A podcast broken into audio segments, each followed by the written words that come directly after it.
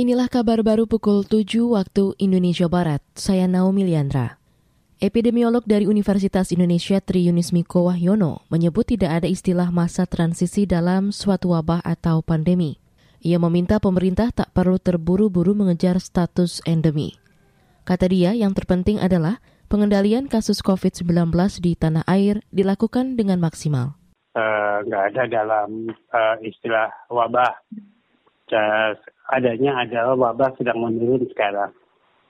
Uh, jadi istilah itu harusnya uh, ya, dirubah begitu nggak ada transisi. Jadi menurut saya ya jangan cepat-cepat mengatakan bahwa penurunan pandemi ini akan berubah menjadi endemi. Jadi uh, harus hati-hati. Epidemiolog Tri Yunis Miko mengatakan ada potensi kenaikan kasus COVID-19 pasca libur lebaran.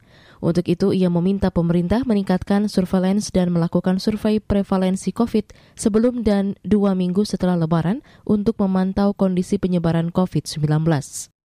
Sebelumnya, juri bicara Satgas Penanganan COVID-19, Wiku Adhisa Smito mengatakan, Indonesia tidak lagi berada dalam kondisi kedaruratan dalam respon pandemi COVID-19, melainkan mulai bertransisi menuju fase endemi. Kita ke berita ekonomi. Masyarakat diajak berperan aktif melakukan upaya transisi energi berkelanjutan dari energi fosil ke energi baru dan terbarukan. Juru bicara pemerintah untuk presidensi G20 Indonesia, Maudi Ayunda, mengatakan transisi energi berkelanjutan berdampak pada penurunan emisi karbon. Dan banyak peran yang dapat kita ambil untuk terlibat langsung dalam mendukung transisi energi berkelanjutan.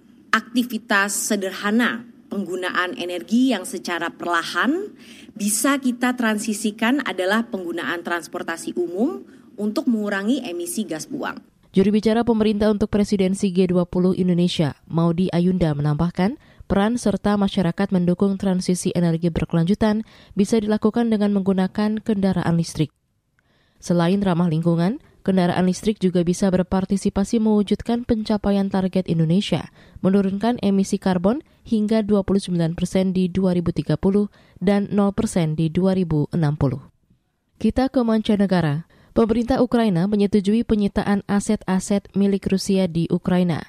Perdana Menteri Ukraina Denis Simihal mengatakan Kabinet Menteri telah menyetujui dokumen yang menyatakan aset-aset Rusia dialihkan ke negara yaitu ke BUMN Dana Investasi Nasional, aset-aset Rusia itu akan digunakan untuk memperkuat angkatan bersenjata Ukraina, membantu warga dan membangun kembali infrastruktur. Saat ini Ukraina sedang bekerja sama dengan sejumlah negara lain untuk menyita aset-aset Rusia di luar negeri dan menggunakan dana itu untuk pemulihan Ukraina pasca konflik.